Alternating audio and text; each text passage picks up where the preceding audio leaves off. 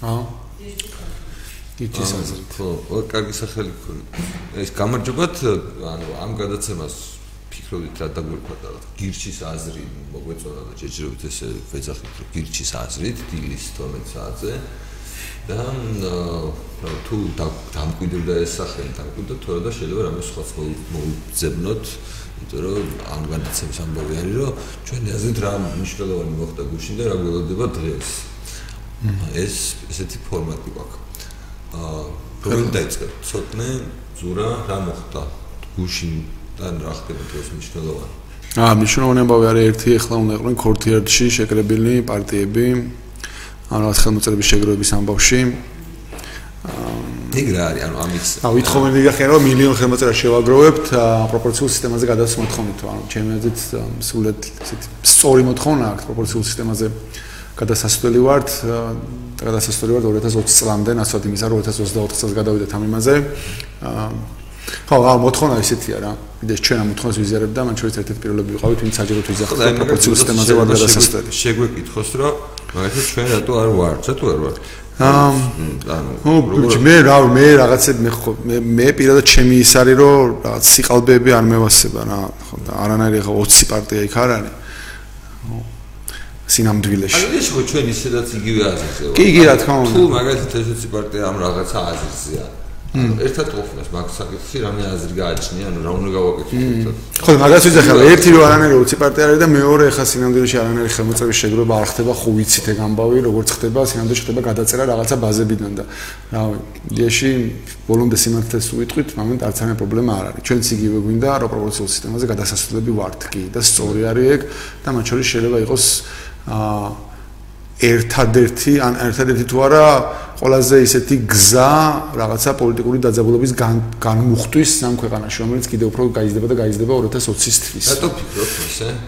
აა იმიტომ რომ როდესაც ესეთი სისტემა გაქვს, სისტემაც ახლა გვაქვს, ეს აძლევს საშუალებას და ყოველთვის აძლევდა ხელისუფლებაში ყოფ პარტიას გამოეყენებინა ვიღაცა ადგილობრივი ერთადებული ვორლორდები მაჟორიტარების სახით და სიტყვაზე თუ მიიღებდა ხელობის რაღაცა პროცენტს, სინამდვილეში პარლამენტში აიღო უფრო მეტი ადგილები, რაც საბოლოო ჯამში აჩენდა მერიან დაძაბულობას და ვიღაცები ვინც პროპორციული სისტემის შემთხვევაში მომენტ მოხდებოდნენ პარლამენტში, ისინი ვეღარ ხვდებიან პარლამენტში და ვიღაცები ახერხებენ, ან ხელისუფლებები ახერხებენ ძალაუფლების კონცენტრაციას ამ სისტემის გამოყენებით. რაც უსამართლობა და მოსამართლობაზე ხალხი ღიზიანდება და ხო, ეხაც შეიძლება იყოს იგივე მცდელობა ივანიშვილის ხრიდან 2020 წლისთვის მაჟორიტარული სისტემა გამოიყენოს იმისათვის, რომ ისევ შეინარჩუნოს ძალაუფლება.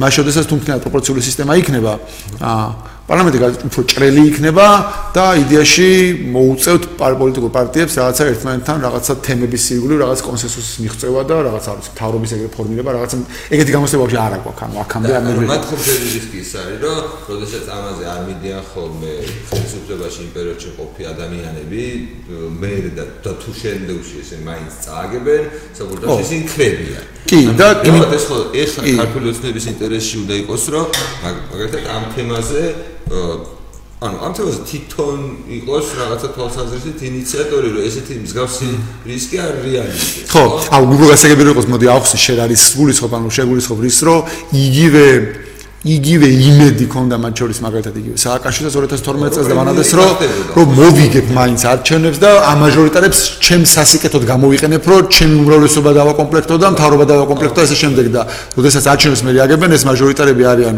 ეგეთი კასტა არის ხალხის, რომლებიც იდეაში ბიზნესმენები არიან და ხო, რაღაც თვალსაჩინო საკუთარი გადმოსახედა რაციონალურ გადაწყვეტებას იღებენ და სადაც არის ძალაუფლების კონცენტრაცია, თუ წერტილი იქით ხარეს ლაგდებია, როგორც გადალაგდა ერთხელ იქით, როგორც საკეთ. ჩვენ თუ ფიქრობთ, რომ სიტყვაზე ეს სისტემა იმ წაგების შემთხვევაში ხელისუფლებისთვის არის დამაზიანებელი, ჩვენ უნდა გვინდოდეს, რომ მაჟორიტარული სისტემა შეინარჩუნონ. ანუ თუ ეს ლოგიკა სწორია. ჩემი აზრით, ჯამში ცუდი არის მაინც რა. ამ საბოლოო ჯამში მაინც ჯამიშობა, ანუ ისევ იგივე წრეზე უნდა წავიდეთ, მაშინ ხო, პრაგმატულად, ანუ სულთა პრაგმატულად, აი მოგება რა შემთხვევაში უფრო მეტი დეპუტატი ფორმალურად გაიჩნდება ოპოზიციის ხაზზე. მათი ხარისხი სხვა თემაა, იმიტომ რომ ისევ საშიშები იქნებიან, მაგრამ რეალურად თუ გინდა რომ სიტყვაზე აი განადგურო ქართული ოცნება ან კი მაშინ ხო გალო ქართული ოცნება. უნდა გააგზელოს ესე როგორც ესე უნდა გააგზელოს და სამდროში როცა წააგებს ეს 20-ში იქნება თუ დამთავრდება ეგრევე.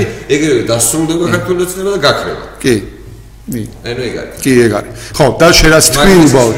ხო, შერას თქვი უბაოდ, რომ რატო, რატო ქართულების ინტერესში და ივანიშვილის ინტერესში ხომ დაიყოს მასში თვითონ შეცვალოს ეს პრობლემა მან იმაში არის და ყველა ხელისუფლებას ეს პრობლემა ქონდა, რომ ამ რისკს ვერ აცნობიერებენ ან იმედი აქვს რომ არ წააგებენ და მაგის გამო არც უნდა ფიქრობ რომ პირიქით ეს მათ ხელში არის კოზირი და სინამდვილეში მე აღმოჩნდა შეიძლება კოზირი ოპოზიციის ხელში. კი ბატონო, აი ეგ ეგ არის მე მგონი მაგის სულასოვანი ასე თქვა შინაარსი და მაგ პრობლემის არ გადაწყვეტის თუ გადაუწყვეტლობის.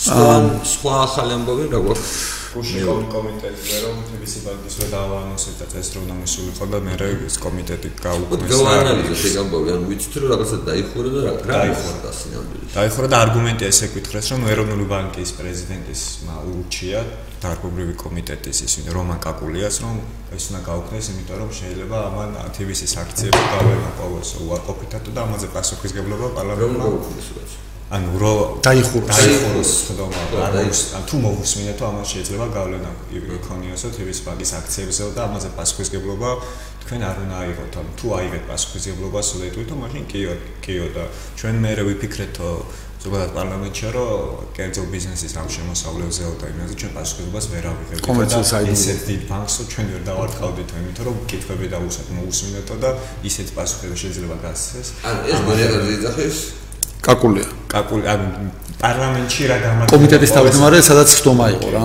ისაც ესე გამართლეს ამ ხდომის გაუ. ხო, ანუ სინამდვილეში რა მოხდა? სინამდვილეში მოხდა ის, რომ აა დაბარება, დაბარება კიდე დაძახება, რომ მოსულიყო კომიტეტზე იყო ევროპული საქართველოს ინიციატივა, რამდენიც მახსოვს, რომ მოსულიყო ხაზარაძე და და ორივე მხარე მომიწვია, ამიტომაც მოვედიო პოლიტიკური ელფერი რო არ ქონოდა, სხვა შემთხვევაში არ მოვიდოდ. ხაზარაძე და ბადიჯაფარიძე მივიდნენ იქ და ხმა არ ამოვედი, ისე წავიდნენ, წარმოვიდნენ, ბოლოდ გარეთ კომენტარი გააკეთა მე ხაზარაძემ. აა თავიდან ნულმაკმა გააქცელა განცხადება, რომ გვენეტაძე არ მივიდოდა, ანუ არ უნდოდა მისვა და საჯაროდ პასუხების გაცემა კითხვებზე, მაგრამ მე მომენტში ეტყობა მიხვდა, რომ რო არ მისულიყო ძალიან ცუდად გამოჩნდებოდა და აირჩიეს სტრატეგია, რომ მისულიყო, ოღონდ თომა ჩაეშალათ. და პრინციპში ეს ჩანდა, როდესაც მივიდა ტრიბუნასთან. არგუმენტი იყო, ვითომ ტიბისიდან ზრუნვა აქცია. ვითომ ტიბისიდან ზრუნვა, როდესაც მივიდა ტრიბუნასთან, მივიდა გვენეტაძე და თქვა, რომ იდეაში მე ვახარ უნდა მოსულიყავიო, იმიტომ რომ არასწორი არისო, ეს არისო რეგულატორზე ზეწოლაო და რეგულატორს არ უნდა უწევდესო რაღაც ახსნა განმარტების კეთება საკუთარ განწყობაზე, ესო დააზიანებსო რეგულა დამოუკიდებელ რეგულატორს და ზოგადად ფინანსურ სისტემას რაღაც ბლა ბლა ბლა და მე არ უპასუხებო რაღაც პონჩი იმ კითხვებსო, რომლებიცო რაღაცა ისეთი იქნება, რომ დამაზიანებელი იქნება თუ პოლიტიკური იქნება, რაღაც ეგეთი თქვა რა, რაღაც კითხვებს არ უპასუხებ და იდგა ტრიბუნასთან ეს ხმა აღარ ამოვიდა. თავის საკანონმდებლო ავტონომიას. კი, ამას მე ჩაირთო, აი, ანუ შეთანხმებული იყო მაგის განახვა იყო ზანატელი, ჩაირთო ჩეულებრივი ეს კონკავშირლები ვინც არიან ოცნების, ცალკე მათიკაშვილი, ცალკე თალაკვაძე, ცალკე ვიღაცები ერთი და იგივე მესიჯ ბოქსით, რომ ოპ, ეხა თუ სტომ არ დავხურეთ, ეხა ისეთი ამბები მოყოლა იქნება, რომ ტიმისი დაზიანდება და ამას ამბობენ ხალხს, რომ ტიმისი მართლა ტიმისის ტოპ მენეჯმენტისგან, ტიმისის საუბრიდან მათიკაშვილი და ზვანი მათიკაშვილი და ზვანი ვისნი, თან მათ შორის იმ რეალობაში, შესაძაც ეროვნულობა ტიმისის განცხადებები მანამდე აღწელა და თუ რამის ხონდა საჯაროდ ისეთ ნათქვამი ჰქონდათ და მაგაზე კიდე უფრო ადრე პროკურატურამ მთელი საქმის დეტალები გამოფინა გარეთ. რომ ამ წელს ეს მოხდა მე ეს მოხდა მე ის მოხდა და ამას ვედებით იმას ვედებით. მან თუ განხილვის თემა იქ უნდა ყოფილიყო საბოლოო ჯამში რა. ხო ყველაფერი ისაც გასაჯერებული იყო უკვე სახელმწიფო სტრუქტურების მიერ და იქ იდეაში ახალი ხა ისეთი არაფერი იქნება და ყოველ შემთხვევაში რომ ყოფილიყო რა იმათ იმათ პრობლემა არ ქონდათ. ბოლოს ხაზარაძემ თავის კომენტარში პირველი ითის დაიწყო ეგ თქვა რომ კატეგორიულად არ ვეთანხმებიო ეროვნული ბანკის პრეზიდენტის განცხადებას რომ აქ შეიძლება რამე ისეთი გაჟღერებული იყო რომ ტიმისი მაგითი დაზიანებული იყო და ამას მოყვა მე ყაყანი ამ ჩვენ ყაყანი დარაცრიდან ლაპარაკს რადგან კაკული ამ ამ კომიტეტის თავმჯდომარემ გამოაცხადა რაღაც ტექნიკური ხუწუთიანი შესვენება რომელიც მე ზავიდენ მასთან ოთახში ოს მე მე გავარკვიე და რაღაცა მასთან ოთახში ლაპარაკეს და რო ჩამოვიდნენ კაკულიამ დაიწყო ლაპარაკი გახსნა სთომა იმითი რომ ვიზიარებო გასაზიარებელია არგუმენტები რომ სთომა უნდა დაიხუროს და რაღაც რაღაცაო და ამაზე იმხელა ყაყანიათა რაღაცა რომ დაამთავრა და მოდი ჩვენი შეფასება გავაკეთოთ. ეს ისტორი ანუ ჩვეულებრივ ადამიანს აძლევს თქო ახმის წარმოადგენას რომ რეალურად ის რაც TVS-ის დამართეს, просто უბრალოდ ჩოლოდ გრძელდება, უბრალოდ გადაინაცვლა პროცესმა რაღაც პარლამენტში და ფაქტობრივად იქ არის მცდელობა, რომ ამ საქმის შესახებ რაც შეიძლება ნაკლები იყოს გასაჯარებული ინფორმაცია. ჩვენ ხო სანდვიჩ მაგას ველოდებით. ჩვენი პოზიცია სულ იყო, რომ ყველაფერს გავაკეთებთ, ოღონდ ვიცოდეთ დაზარალებული საერთოდ რა პოზიცია აქვს, ხო? ანუ რეალურად ეს იყო შანსი, რომ ჩვენც გაგვეგო TBC-ის პოზიცია, TBC-ის აი ამ ხელმძღვანელი ხაზარაძე მოყოლილი ამბავი. მოყოლილი ამბავი რაშია მათი წარმოდგენით რეალურად საქმე. ანუ რას რას ედავებიან წყალქვეშა დინება გაგვიგო ხო? მე მგონი ამ წყალქვეშა დინების არ გაგების პრევენცია შეიძლება ყოფილიყო ეგ ისტერიკა რაც მოაწყეს ვითომ კომიტეტის ხდომის ჩაშლასთან დაკავშირებით. ხო ნუ რო შევაჯამოთ საბოლოო ჯამში ის რაც არსებობს ლეგიტიმური ეჭირო საბოლოო ჯამში ტივისის და ხაზარაძის წინააღმდეგ ეს ამბავი ეს არ არის რაღაცა მართლა ხო ანუ ეს პოლიტიკური ამბავი უფროა ვიდრე სხვა რაღაცა გუშინდელმა იმან ეს კიდე უფრო გააძლიერა იმიტომ რომ ჩანდა რომ არ უნდათ რომ საჯაროდ ვიღაცებს ელაპარაკათ და მე მე გაგზელება იყო ბარემ აქ თემაზე რა ხარო მე მაგ ამოგრებით თუ კაკულიას განცხადება იყო ერთი რომ კაკულიას თუ ბოდიში მოუხადა ხაზარაძე ჯაფარიძეს რომ რო გიწოდითო კომიტეტზე არ არც მიფიქრია რომ ხმის ამოგრების საშუალებას არ მოგცემდიო რამაზე უფრო სასაცილო ჩემი აზრით არის კიდე რაც თქვა რომ თქვა რომ გენერალურ პროკურორსო გენერალურ პროკურორს. ესმისო რა მდგომარეობაში ჩააყენა ივანიშვილი და ჩვენ რა მდგომარეობაში ჩაგვაყენაო როდესაც ტიბისიზე ეს გამოძიება გააცოცხლაო თუ დაიწყო თუ რაღაცაო ანუ გენპროკურორს შეტენა რაღაც პონჩი რომ და ბიზნეს ჩამორეცხა ბოლომდე რომ ივანიშვილი აფეშოა არისო გასაგებია რომ ხალხს ახლა განცდა აქვს რომ ივანიშვილი ჩაიჭებს ამასო მაგრამ თვითონ გენპროკურორსაც გასნობიერებული აქვს რომ ეს გამოძიება რომ დაიწყო 11 წლის მერეო რომ ამით ახლა კითხვის კითხვის წელი გააჩნდება შეიძლება ქონდეს გენპროკურორს სად არის ვაში გენპროკურორი ჩანს. ეს საქართველოსი ხო ის არის გენპროკურორი აი ტიპი რომელიც გამოჩნდება, როდესაც დანიშნავენ თვალიჩემენ და მე უნდა გაქრე. თუ გინდა რომ წონა კონდეს გენპროკურორი თუ ხარ არ უნდა ჩანდე რა. და არავინ აღარ ჩანს რა, როგორც აი ადვილში ჩანდა. ყველა ქრებიან ეგრე, ჰოპ, გაქრებიან. ერთხელ გამოჩნდება მე ვარ, ჰეი, მე ვარ და ჰოპ, და აღარ არიან. და რაღაც ის მე საბჭოთა კავშირის დროის სინამდვილეში საბჭოთა ისა საბჭოთა კავშირის დროს იყო ეგრე. რაღაცა მითებით მიყვებებით მე რომ ის სადღაც იქ არის ჭკვიანია ყველაფერს ის მართავს რაღაცა ისეთი და არცალია სტალინივით გადადგამოსაჩენად ხო ეგ ეგრე ვარ სუ. ეხლა რა ქვია ჩვენ გენერალური პროკურორი სპეციალისტი? ეხლა ქვია შალვა თათუმაძე კი ვიცი ჩემთან მუშაობდა კაც. ერთ კი მე ხო რაღაც ერთი წელი რაღაც ბიზნეს ამბავში რო ვიყავი მაშინ მუშაობდა ჩემთან იურისტი იყო ჩვენ. კი ვიცნობ. იმედი არ დაგიჭერს გონმა გამოვხმაურე დელეგაციას ინტერვიუს გამოვხმაურე თავს იყო 2 საათიანი ინტერვიუ ქონდა ჩემთვის ხაზგასასმელი არის მისი პოზიცია იმ საქმეებზე რაც ხარ გირჩაპირებს საპოზიციო სასამართლოსის არჩევის შეტანას. და მის განცხადებას დავაციტირებ.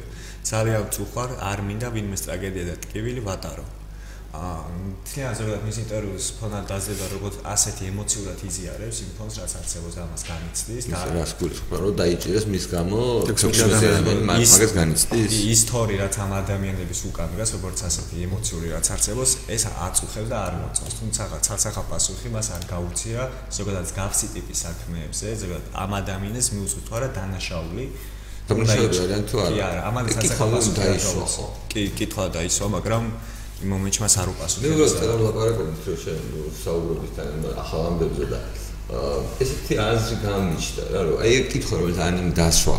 არიან თუ არა დამნაშავეები მაგ კითხვაზე პასუხი ხო ყველა დეპუტატს აქვს გასაცემი. ეს ხო რაღაცა მარტო ბესელიას პასუხისმგებლობა შეუძლებელია. არა მარტო არა მარტო დეპუტატებს აქვს არამედ აი საზოგადოებაში ვინც საზოგადოებრივი აზრის ჩამოყალიბებაზე პრეტენზიას აცხადებს ან მართლა რეალურად და გავლენა რა მე მგონი ამ ადამიანებს თუნდაც იმიტომ რომ ჩვენი მეგობრები არიან და სტატისტიკურად შეუძლებელია რომ მხოლოდ ჩვენი მეგობრების ასეთი პროპორცია ყოფილიყო როცა ეს ვიდეო აქ 100000ობით საქართველოს მოქალაქეს ნანახი ხო ანუ გირჩი იმ ხელა ისეთი პატარა ჯგუფია რომ თან 16 წელი ძალიან დიდი წილი გიჭირავს და მათ შორის სხვა ოპოზიციური პარტიის ასევე ხარდამჭერები არიან რაც არის ჩვეულებრივი შეჩერების სამართლის ნიმუში ხო? ამ კონკრეტულ თემაზე ეს კონკრეტული თემა უბრალოდ პასუხისმგებლობას ეს ის პოზიცია დააფიქსირო სწორი და არასწორი შედა კანონში რაც გვიწერია.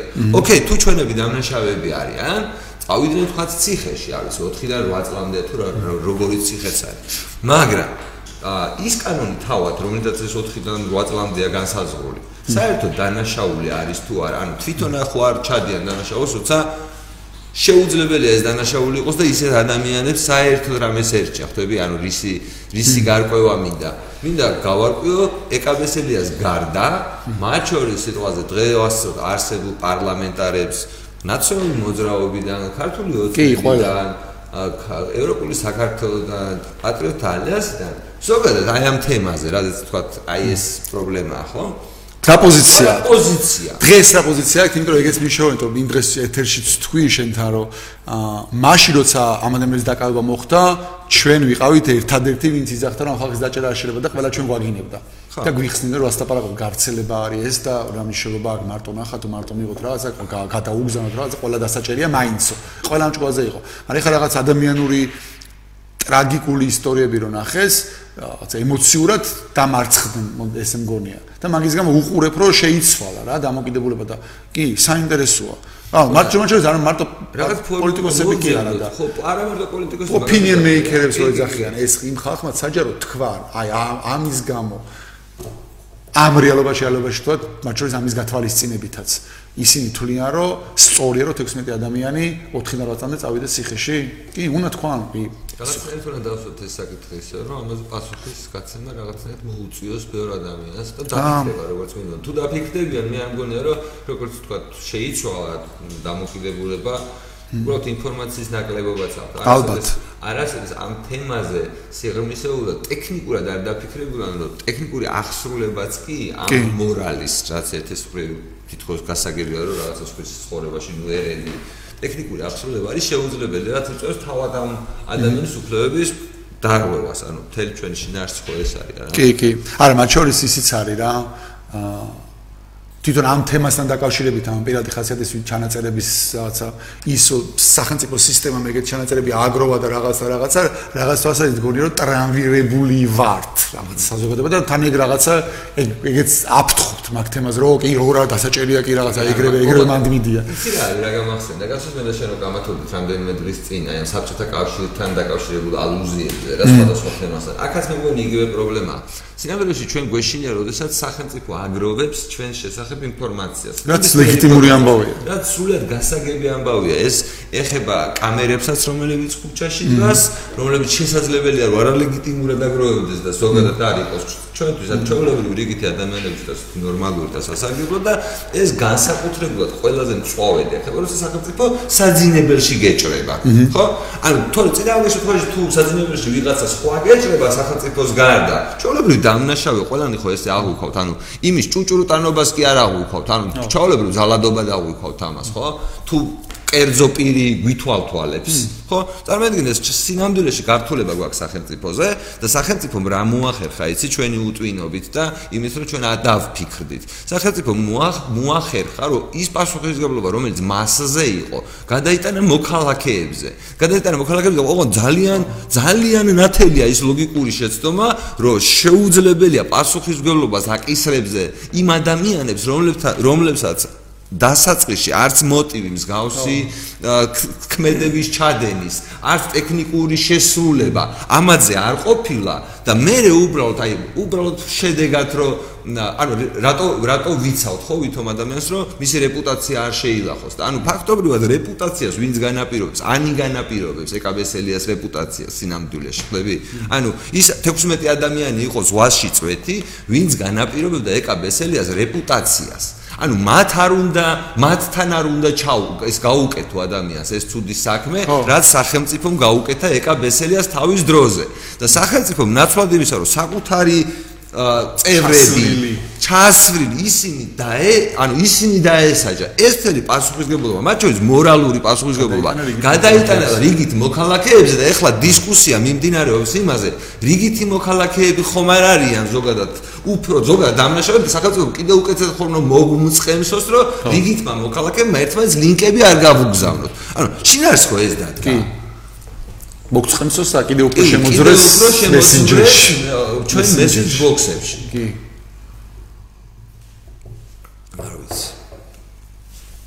მოკლედ ეგეთ ეგეთი წარმოდგენა მაქვს რომ ამაზე არათუ კი არ უნდა გაუტარო. ანუ 27-მდე პროცესი არ უნდა მივაყვანინოთ. ანუ 27-ში პროცესი ჩემი აზრით არ უნდა გამოიმართოს და თუ ვინმეს ოდნავ ჭკუა მოეკითხება მე მგონი ამ პროცესზე უნდა ვიფიქროთ როგორ უნდა მოხდეს რომ ის ადამიანები უბრალოდ ვერ გასამართლენ 27-ში გასაგები იყოს 27 მარტს არის ჩინარსობრივი განხილვა ამ საქმის. ამ 16 ადამიანს მე მგონი ყველა ერთად არის, მე მგონი. ხო. როგორც მინდა ცალსახა პოზიცია მაინც გვინდა საჯარო ანუ ცნობილი ადამიანების მათ შორის რომ რას ფიქრობთ არიან დასაჭერები თუ აქტივისტების ჯგუფი შევკრიბოთ რომელიც ყველა ამ ადამიანს რაღაცნაირად მიაკითხავს და აზრს გავიგებთ და ვაფშე პოლის იდეაც მაქვს რა ანუ გავაკეთოთ ანის პოზიცია, კითხვა, დავსვათ და ინტერნეტში გავაკეთოთ პოლი რა, ვინ თulis რომ ესეთი ესეთი ქმედება შეიძლება იყოს დანაშაული. აა პოლიგრამ მაგის გვინდა სინამდვილეში სააგენტოს გაკეთება რო გვინდა რა. არა, ხო გასაგებია. ვიღაცა კონკრეტულ ტიპებს, კონკრეტულ ტიპებს უნდა უსმენდეს კითხვა. მეთქი მოდი კუსტარულათაც რაღაცები გავაკეთოთ სანამ ის პროცესი ის ტიპებს მაშინ პროსტა მაინც ვიღაცამ პირადად უნდა მიმართოს რა, ვიღაცა ოპინიონ მეიკერა, ოპინიონ მეიკერა ტიპებს. პრიმატი პოზიცია დაფიქსირდეს რა. გაკ რამე პრემიერ-მინისტრი მამუკა ბახტაძემ განაცხადა რომ თავრობა აპირებს ახალი პროგრამის დამტკიცებას სოფლის მეურნეობაში რაც გულისხმობს რომ აპირებენ დაეხმარონ მეურნეობს იმ ნაწილში რომ ტრაქტორები და მსგავსი სახნავი ტექნიკა დაუფინანსოს 4 მილიონს დახარჯოს აპირებენ.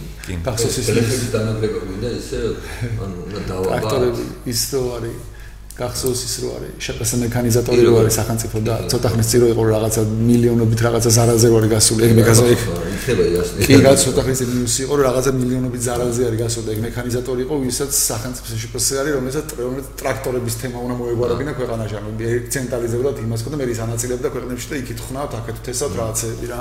ხო და იმას დედაღარ აღავს გაკოტრებული კი არა და მინუსი არის გასული და ეხა დამატებით ცალკე მექანიზთავენ მექანიზატორის გვერდისავლით როგორ მიცენ ტრაქტორები ხალხს.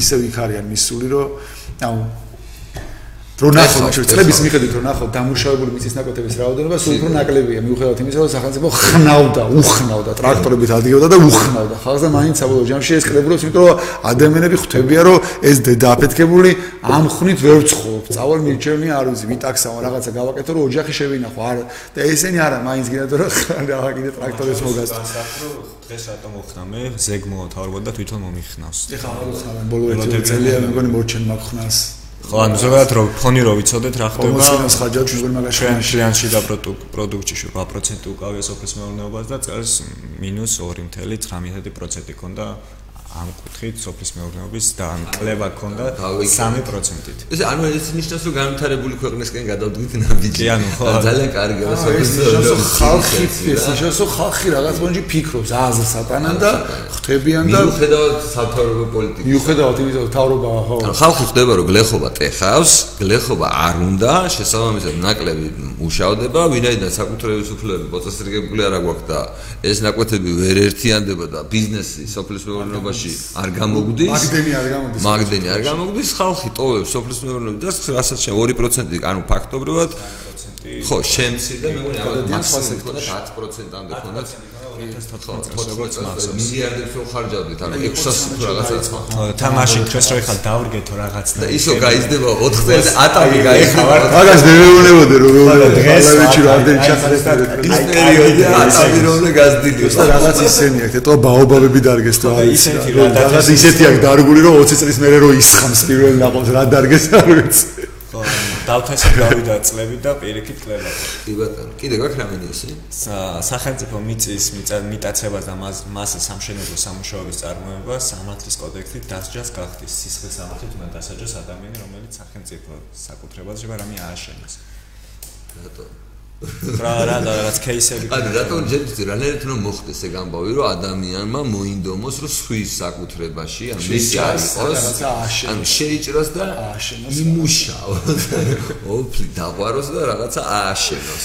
რატომ უნდა ხო მან შეიძლება იყოს ანუ რეგიონებში არის რაღაცა მიწები რომელიც იდეაში მიგდებულია და არავინ არაფერში არ იყენებს და მომენტ ვიღაცა შეიძლება იყოს ვისაც ისე უჭირს რომ ანუ არავინ არ იყენებს ბევრი წლებია დედა აქ მიწას ნაპირები არ უმუშავდა არაფერი და ვიღაცა წავიდა და დაამუშავა. და ამ კაცის ციხეში დაჭერა უნდა? კაცის ხო სისხლის სამართლი სისხლის სამართლს რომ გაასამართლოს რომ რაღაცა არ ვიცი ბადრიჯანი მოიყვანა რაღაც იაროგი არის მადლობა თავრობას ასეთი სულ ამბობენ რომ რომ რაღაც კერძოს კი საკუთრების ნაწილში პრობლემები პრობლემები გვაქვს სახელმწიფოს ეკონომიკა საკიდია რაღაც მიწები და ეს რეფორმა ვერ გატარდა ნუ გულწრფელად არა გულწრფელად ამას მაინც ყველა აღნიშნავს. მაგრამ ხედავთ რომ ამას არაკეთებენ და ადამიანი რომელიც ანუ უნდა ესაკუთრება ხო ანუ სახელმწიფოს საკუთრება არ აძლევს ვერ შექმნით ვერც ერთ ისეთი მექანიზმი რომელიც ამ ადამიანს ახეირებდა და მიცემ ლიდერსაც თვითონ ეკუთვნის რა თუ გადაწყვიტა და უცთა ფეხი და გააკეთა და ამ ადამიანს მოტონა არ დაელოდა მაშინ ვიჭერთ ამ ადამიანს ისე სამართლე რა რა სენსაციის ხო შინაარსი ხო ის არის რომ მესეჯი რომ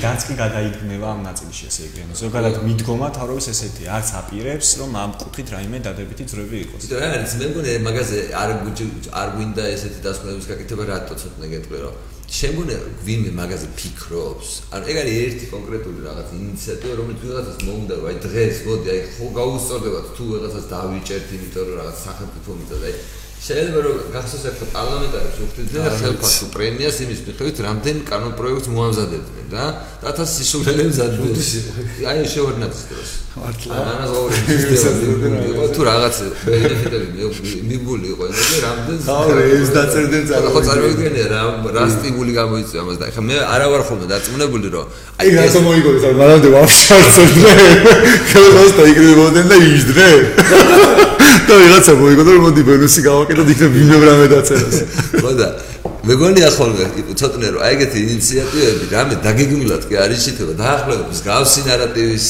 შედეგი ანუ პროდუქტია რა რომ ვიღაც აქტივისტი არსებობს რომელმაც წარმოიდგინა რომ რაღაცა შეუძლია რაღაცა დააშავოს და ამით საკუთარი ბენეფიტი რაიმე ბენეფიტი მიიღოს რომ შეაქონ დააწინაურონ ვიღაცამ რაღაცა გაუკეთოს და ну რავი აი როგორ დავიჯერო რომ ერთი შემთხვევა მაინც აქვს რომ ვინმე ვინმეს ციხეში გაშვება გვინდა მთელს ქვეყანაში ის აი ამ ტიპის საქმისთვის ხო ხო წარმოგიდგენია ვიღაცა შევიდა და ააშენა ნიტო რომ შეიჭრა გამიგია რომ ტოლვილები შეიჭრნენ სახელმწიფო ქონებაში რომელიც რაღაცა პრივატიზაცია ხდებოდა რაღაც ეგეთი გამიგონია მაგრამ მივიდა და შენობა დადგა კაცო შეუძლებელია. ეს ხო შეუძლებელია მართლა. ეგეთი შემთხვევა ხო აი შეუძლებელია არსებობდეს. რომ დაბაროს მაგაზე უნდა ციხის სამართლით გაასამართლონ. ხო და ანუ ამაზე წარმოუდგენიათ რომ ვინმე ციხეში დაიჭირონ, ეგეთი კაცი გვაჩვენონ, თქვან, აი ვინც არის მაკანო პროექტის თუ რაღაც უბედურების, აი ესეთი რაღაცა თუ უნდა მივიდეთ ცნებელში მაგ ადამიანთან და უთხრათ, რომ აი ჩვენ ვიპოვეთ, რომ არსებობს ესეთი კაცი ბიჭიყო, რომელიც არის ცაგერში, დახნა ესეთი რაღაცა გაუკეთებია, აუშენებია და ეხლა წავიდეთ და ეს კაცი არის დასაჭერი. და თვალებში შეხედავს თუ არა ამ კაცს და გაუშვებს თუ არა რამდენი წელი უნდა ციხე. რა არის ეს? აუ ჩვენ დავხართ სამ. რა ციხე სამართლე დასჭადი უნდა გახადო. ხო, ანუ რა ვიცი, რამდენი ხანი უნდათ რომ გაუშვან. იაგორიძე ცხოვრება ფიბრუკას მოძებნ ვიყოთ რამე სახელმწიფო მიწა სად მიგდებული და წავიდეთ დავხნათ და გადავიღოთ. როგორ ხნავთ? ავაშენოთ თუ რაღაცა. ბიჭიკო რა დგინდა რა? არა დავხნათ კაცო დახვნაზეც და ნახოთ სისხლის სამართლით როგორ გაგვასამართლო. კი როგორ არის დამუშავებაზე? დამუშავება. გამოყენება რა იდეა. გამოყენებაო და დახნა არ არის, რავი, ბადრიჯანი დავდგოთ თავთესოთ. კი ბატონო. შეგვიძლია გავაკეთოთ ესეთ სამოქალაქო და უმორჩილებლობის. ხო და ბიჭო სიგიჟი არის. აუ სიამდვილეში არსი რა, რომ სახელმწიფო გეუბნება რომ ეს მიწა არის იდეაში არ გაძლევ მიწას როგორც საკუთრებას, მაგრამ თუ ქშია და ისე ქშია რომ გამწარებული ხარ და მოხვედა შენ თვითონ დახან რომელსაც არაფერში არ ვიყენებ და პროსტა მიგდია და აქედან რაღაცა გამოგივიდა, ციხეში გვიშებ რა. სიამდვილეში არსი ჰოლოდომური რაც იყო არსი ხო ეგ არის და მასშტაბიანი სხვა თორე ჰოლოდომური ხო სხვა კი არაფერი იყო საკუთრება წაართვა სახელმწიფომ და თუ ვიღაცა რაღაცას გააკეთებდა მაგის გამო ხო. ხო და რა მაინტერესებს ეხლა მაგალითად ჩვენ ეს ლაპარაკად არ გამოგვიდეს მართლა. ამ რაღაცა ინიციატივას ვიღაცა ავტორი ხო ყავს პასუხისმგებლობა ვიღაცაზე ხო არის აი ამ რაღაც სირობაზე ხო შეიძლება რა და გავარკვიოთ ვინ არის პროექტია მიღებულია ახალი სტადიაზე თავში გაჩნდა ახალი სტადიაზე სად არის რა არის ნახე პოსტა თუ პარლამენტის ნაწილში არის თბილისის მერის ზედამხედველობის სამსახურის უფროსი. გიორგი ბაგრატი მერის ინიციატივა. გიორგი ბაგრატი გეხება მარტო თბილისში გეხება მარტო. დანარჩენი ქართველები თბილისში დანარჩენობა მიიტაცეთ ხალხო დასაჩაიასაც ნახოთ მიიტაცეთ ყველაფერი.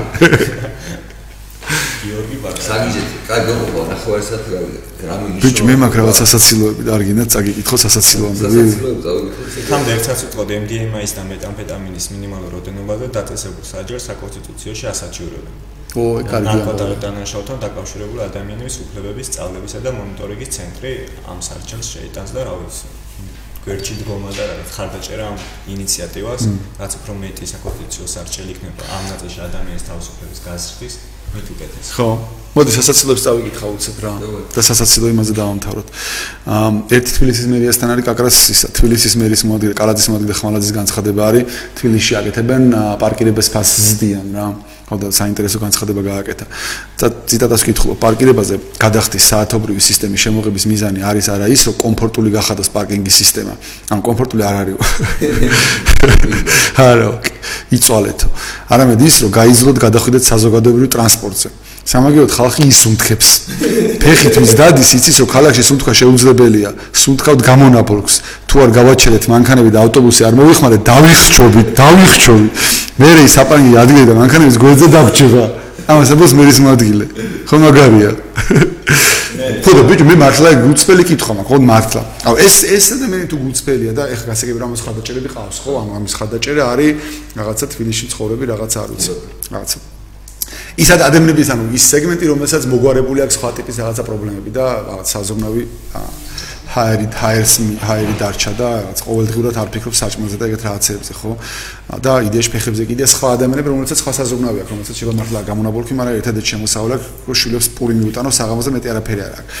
აი ეგ კომპლიკება ესენი თუ მართლა გუწფელები არიან ამას თუ მართლა იზახის რომ უნდა რომ მანქანებმა არიან და ფეხით ვიაროთ და საზოგადო ტრანსპორტში პროსტო რატო არ გძალავენ რა ეს აწვალება არის, რა პარკინგის საფასური. უბრალოდ თქვა რომ აი თბილისში, რიტყვაზე, ვაჟა-ფშაველაზე, ჭავჭავაძეზე, რუსთავაზე, ძირითად რაღაცებზე მანქანი მოძრობა ვაფშე არ შეიძლება.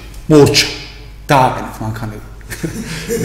რა ეს ხო წვალება არის ხა რა გეუბნებიან რომ ვერ გაიტანე ზურა ხო ანუ ეგ ხო ტრაგიჟები ხო არ არიან ხო ხდებიან რომ მაგრამ რატო აკეთებენ ეს ეს პოლიტიკურად გატანადი არის და მაგიტომაც რო პარკინგებს გავაზრდო ხო რეალურად ადამიანები მართლა გიჟები ხო არიან ამ ამ ქალაქში რამდენი გიჟია რომელსაც მართლა გონია რომ აა იმისი ჟანგბადის რაოდენობა მცირდება ამ გამონაბოლქთან ერთად. გამონაბოლქთან ერთად ანუ ადამიანები არიციან არც ფიზიკა არაფერი არიციან შესაბამისად 1000 სიგიჟის ჯერად და განსაკუთრებით აი ამ ხშირი ლაპარაკის ამ ხეების მოჭრაზე, მწვანეებზე, რაღაცეებზე ლაპარაკის ფონზე ადამიანები მართლა დაიჯერეს, რომ თუ ჩვენ მარხანებს გავაჩერებთ, გავიჭირებთ და ეკონომიკურად დავიქცევით, შეიძლება გადავრჩეთ ჯანმრთელობის თვალსაზრისით. ანუ ამიჯერა თქვენი, ანუ ამ სანამ ამ სიგიჟის ეჯერებათ, ეს ადამიანი საღი პოლიტიკოსია და ჩვენ გიჟერთ.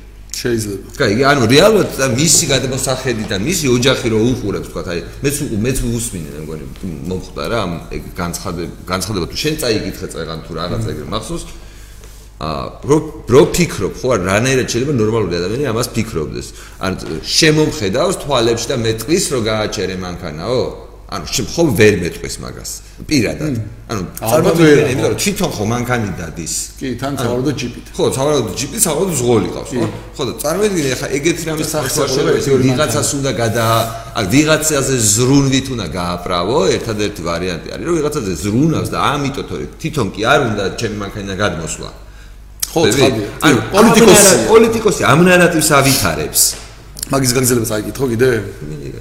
საქართველოს ეროვნულ ბიბლიოთეკაში კლიმატის ცვლილების საკითხზე რამდენიმე უწყებისა და მეცნიერების ავტორობით შექმნილი მონოგრაფიის და სახელმძღვანელოს პრეზენტაცია შედგა.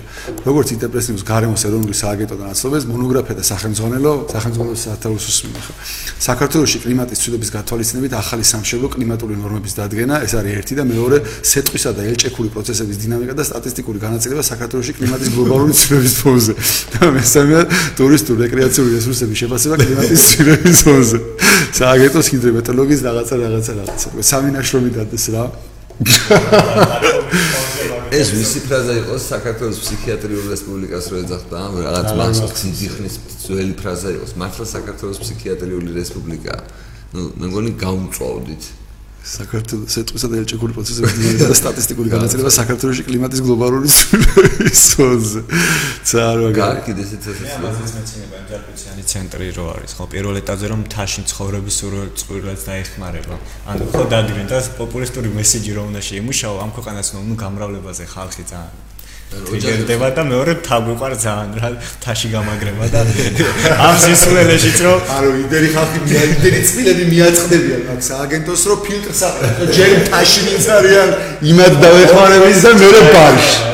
ვიყავს ქართულს არ თასული ეჩი და ეს მესიც აიღო თან გრავდები მოდი ეს თაში დავეც რამე სხვა კრიტერიუმი კი არ არის უჭირს პროჭირდება აა თაში თუ არის ჯერ იმათ ეხმარები და მე ბარში ბარში მოიწია თუ გინდა დაგაფინანსე ხელშეგი ბარში შეყარებული მოიწია კინო რა არის ვი ჩამოვიდე მთიდან და ჩვენ ერთი ცადი თებში გავიხიზნე თეში რეგისტრაციის სერვისი რო მოხო აქ იყო ეს რამდენიც მაგრამ რომ მოვატყუოთ რომ ვითომ თაში არის ვითომ ვითომ პაიმანი ფული გულორზე ავიხო რა. კაც და გაუშვეთ რომ თაში არის. კაი, მესავე და ვამთავრებ.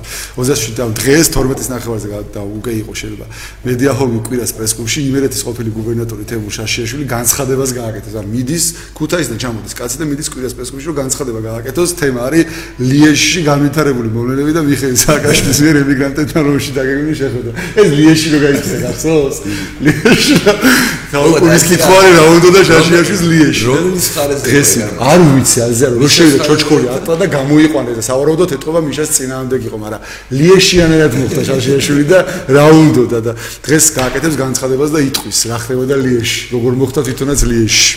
ეგზამენი სიცი. კაი, ჩემთან всёე გარ. შენთან არის ლიდერი. აა, თავარი ამბავი არის ზოგადად ისო ტრამპი ხდება საქართველოს ნაკლებად ეხება, მაგრამ კიმჩენინი ქვია თუ რა ქვია, ხა იმ კაც ვინ არის ხა იმათი უფროსი. ჩრდილოეთ კორეის ხო დღეს აქ შეხვედრა რა.